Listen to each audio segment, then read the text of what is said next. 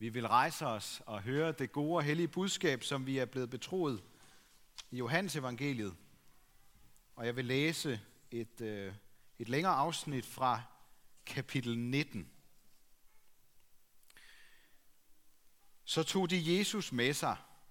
Han bar selv korset og gik ud til det sted, som kaldes hovedskaldsted, og som på hebraisk hedder Golgata, hvor de korsfæstede ham. Og sammen med ham to andre – en på hver side med Jesus i midten. Pilatus havde lavet en indskrift og sat den på korset. Den lød, Jesus fra Nazareth, jødernes konge. Den indskrift læste mange af jøderne, for stedet, hvor Jesus blev korsfæstet, lå, lær, lå nær ved byen, og den var skrevet på hebraisk, latin og græsk. Jødernes ypperste præster sagde nu til Pilatus, skriv ikke jødernes konge, men han sagde, jeg er jødernes konge. Pilatus svarede, hvad jeg skrev, det skrev jeg. Da soldaterne havde korsfæstet Jesus, tog de hans klæder og delte dem i fire dele, en del til hver soldat. Også kjortlen tog de. Men den var uden sammensyninger, et vævet stykke fra øverst til nederst, og derfor sagde de til hinanden, lad os ikke rive den i stykker, men træk lod om, hvem der skal have den. For sådan skulle det skriftord gå i opfyldelse. De delte mine klæder mellem sig. De kastede lod om min klædning. Det gjorde soldaterne altså. Men ved Jesu kors stod hans mor, hans mors søster, Maria, Klopas hustru, og Maria Magdalene. Da Jesus så sin mor, og ved siden af hende den disciple, han elskede, sagde han til sin mor, Kvinde, der er din søn. Derpå sagde han til disciplen, der er din mor. Fra den time tog disciplen hende hjem til sig. Derefter, da Jesus vidste, at alt nu var fuldbragt, og for at skriften skulle opfyldes, sagde han, jeg tørster. Der stod et kar fyldt med eddike. De satte så en svamp fyldt med eddiken på en isopstængel og stak den op til hans mund. Da Jesus havde fået eddiken, sagde han, det er fuldbragt. Og han bøjede hovedet og opgav ånden. Det var forberedelsesdag, og for at læmerne ikke skulle blive hængende på korset sabbaten over, for det var en stor sabbatsdag, bad jøderne Pilatus om, at de korsfæstedes ben måtte blive knust, og de døde taget ned. Så kom soldaterne og knuste benene på den første og på den anden, som var korsfæstet sammen med Jesus. Da de kom til Jesus og så, at han allerede var død, knuste de ikke hans ben. Men en af soldaterne stak ham i siden med et spyd, og der kom straks blod og vand ud. Den, der har set det, har vidnet om det, for at også I skal tro. Og hans vidnesbyrd er sandt, og han ved, at han taler sandt. Dette skete, for at det skriftord skulle gå i opfyldelse. Ingen af hans knogler må blive knust. Og er der et andet skriftord, siger, de skal se hen til ham, de har gennemboret. Amen.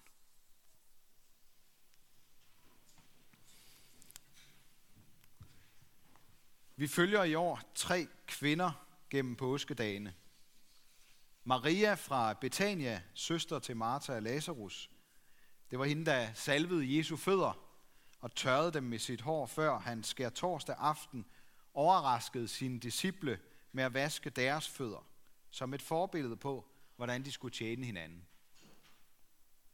Maria fra Betania havde sammen med Maria fra Magdala fundet en mand, der elskede hende betingelsesløst.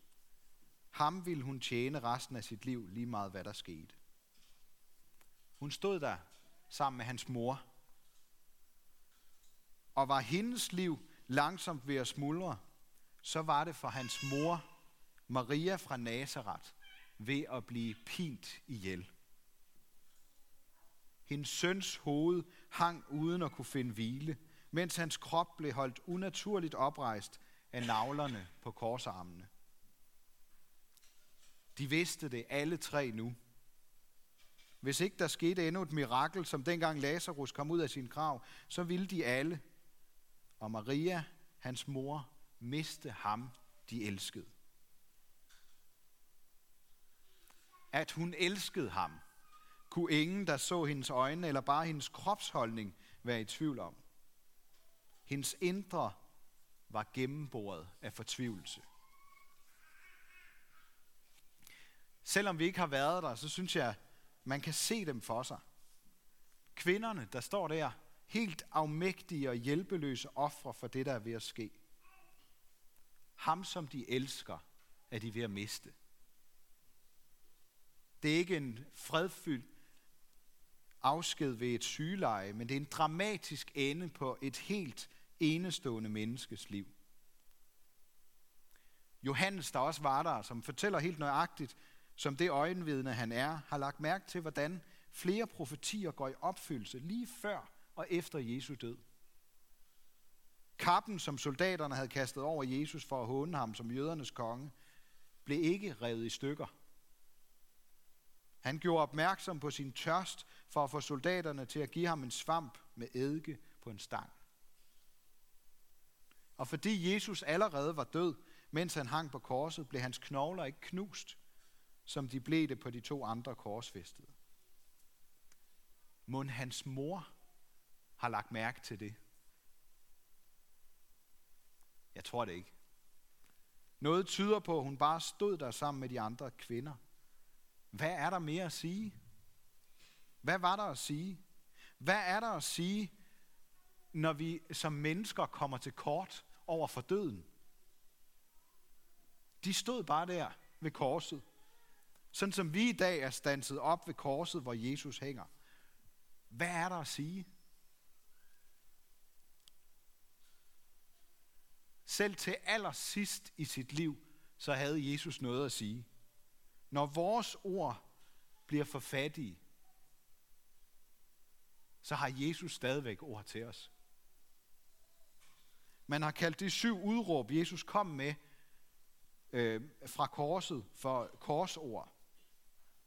Og det er jo helt ubegribeligt, at han for eksempel kan bede sin far om at tilgive dem, der er i gang med at slå ham ihjel. Mon Maria, hans mor, kunne tilgive dem det, de gjorde mod hendes søn? Vi ved det ikke. Men vi ved, at Jesus stadigvæk havde noget, også i den situation, havde han noget at sige til sin nærmeste. Midt i sin smerte med udsigt til døden, fortæller Johannes om Jesus, at han så sin mor.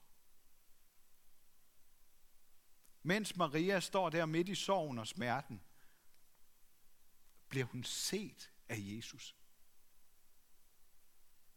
Hendes almægtige søn, der har ydmyget sig og taget afmagtens tjenerrolle på sig, vil intet andet end sin mors og alle andre menneskers bedste.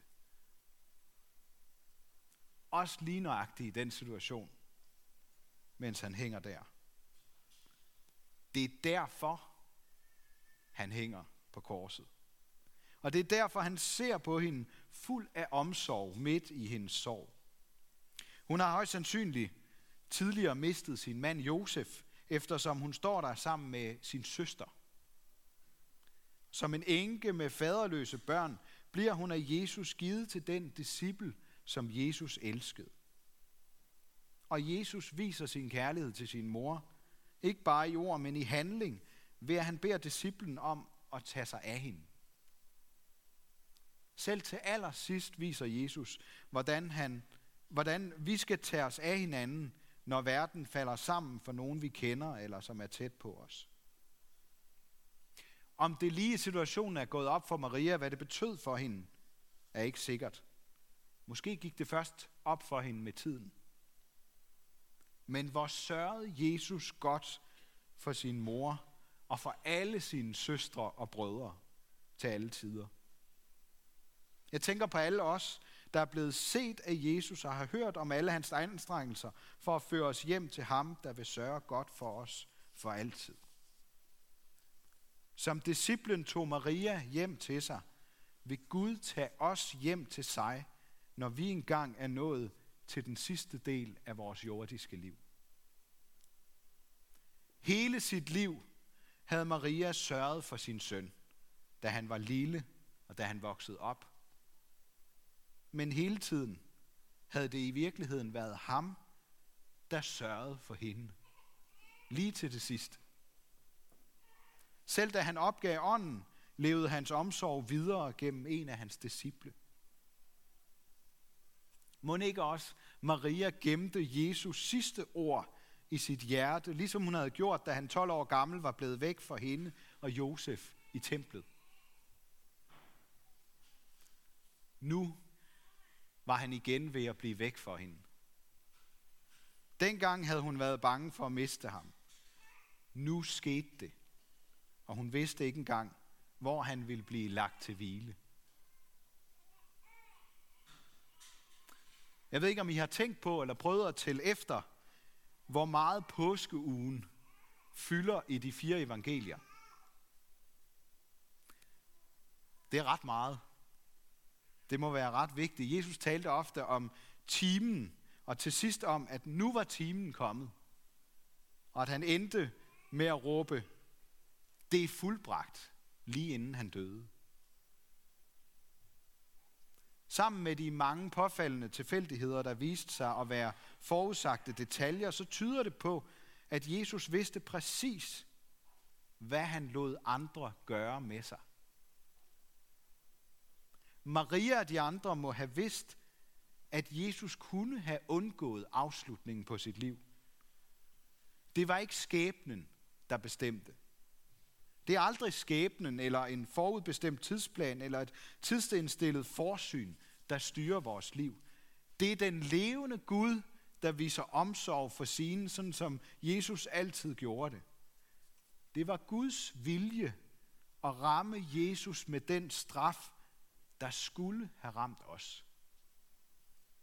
Og Jesus lod sig ramme, fordi han ikke kan bære, at vi en dag skal dø. Det var derfor, han bar Guds straf frivilligt. Jesus blev ikke suget ind i sit livs afslutning. Han valgte selv at gå korsets vej, fordi der ikke var andre veje til at frelse dem, han elskede. De var nødt til, Maria, hans mor, var nødt til at miste ham, for at kunne få lov til at beholde ham. De viser en del øh, øh gode film sådan i, i påsken i, øh, i fjernsynet. Jeg så for eksempel lige i går aftes, at øh, de viste Schindlers liste og øh, en gammel 80'er-film, der hedder The Mission. To sådan autentiske beretninger, hvor man kan se og opleve, hvordan mennesker offrer sig for, for hinanden. Jeg så selv en, en tredje film, der hedder Divergent, sammen med Martha og Eva, mine to ældste, ældste døtre. Og øh, Martha, hun, øh, øh, hun øh, mindede mig om, at, at den type film hedder en dystopi, fordi det sådan handler om verden, der er gået i stykker, og som kun er opretholdt af en skrøbelig fred ved, at hele verdens befolkning er delt op i fem grupper. Og øh, nu skal jeg lade være med at afsløre hele, hele filmen. Det er sådan en rigtig lang fredagsfilm, hvor mennesker offrer sig for hinanden. Og øh, der er en stærk scene øh, øh, hen i slutningen af filmen, hvor, hvor hovedpersonen finder ud af, hun finder ud af, at, at det er kun hende, der kan redde situationen. Der er ikke andre. Øh, hun, hun er helt alene tilbage, og, og dem hun ellers holdt med, de er enten, eller dem hun ellers var sammen med, de er enten døde, eller også så er de blevet forgiftet af ondskaben. Og så er der en stærk scene til sidst, hvor hun, hvor hun står over for sin elskede. Og hvis hun skal udrydde ondskaben, så er hun nødt til at slå ham ihjel. Og hun står med sin pistol og retter den hen mod ham. Og i det øjeblik, så sker der noget afgørende som kommer til at, at ændre, hvad der sker fuldstændig. Hun vender pistolen om mod sig selv.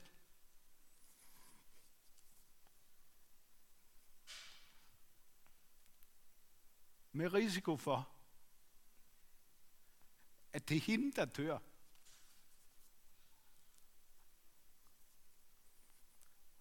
Og det skulle have været alle de andre. Det var dem, der var onde. Og så, og så kigger hun på sin elskede. Og hun tvinger ham til at se hende ind i øjnene. Hun siger til ham, se på mig.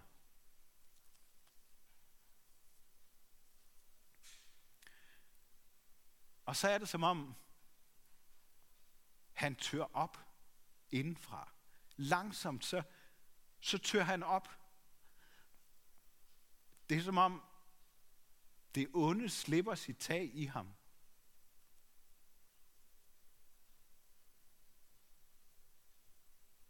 Fordi han ser, der er en, der elsker ham.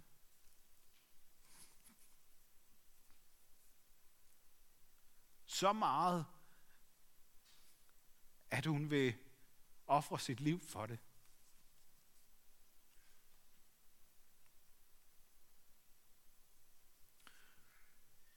Og det hun gør der, det er det, der redder dem alle sammen.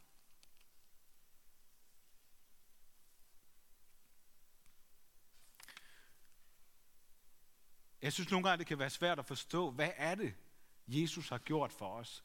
Det virker så langt væk. Jeg ved ikke, hvordan I har det, men nogle gange så, så kan det være godt at opleve det og se det i en anden, i en anden virkelighed. Og pludselig i et øjeblik opdage, når det er det, det er det, det handler om. Jeg skulle være død. Det ville være endt fuldstændig galt i en katastrofe, hvis ikke Jesus havde offret sig selv og sit liv og vist sin kærlighed.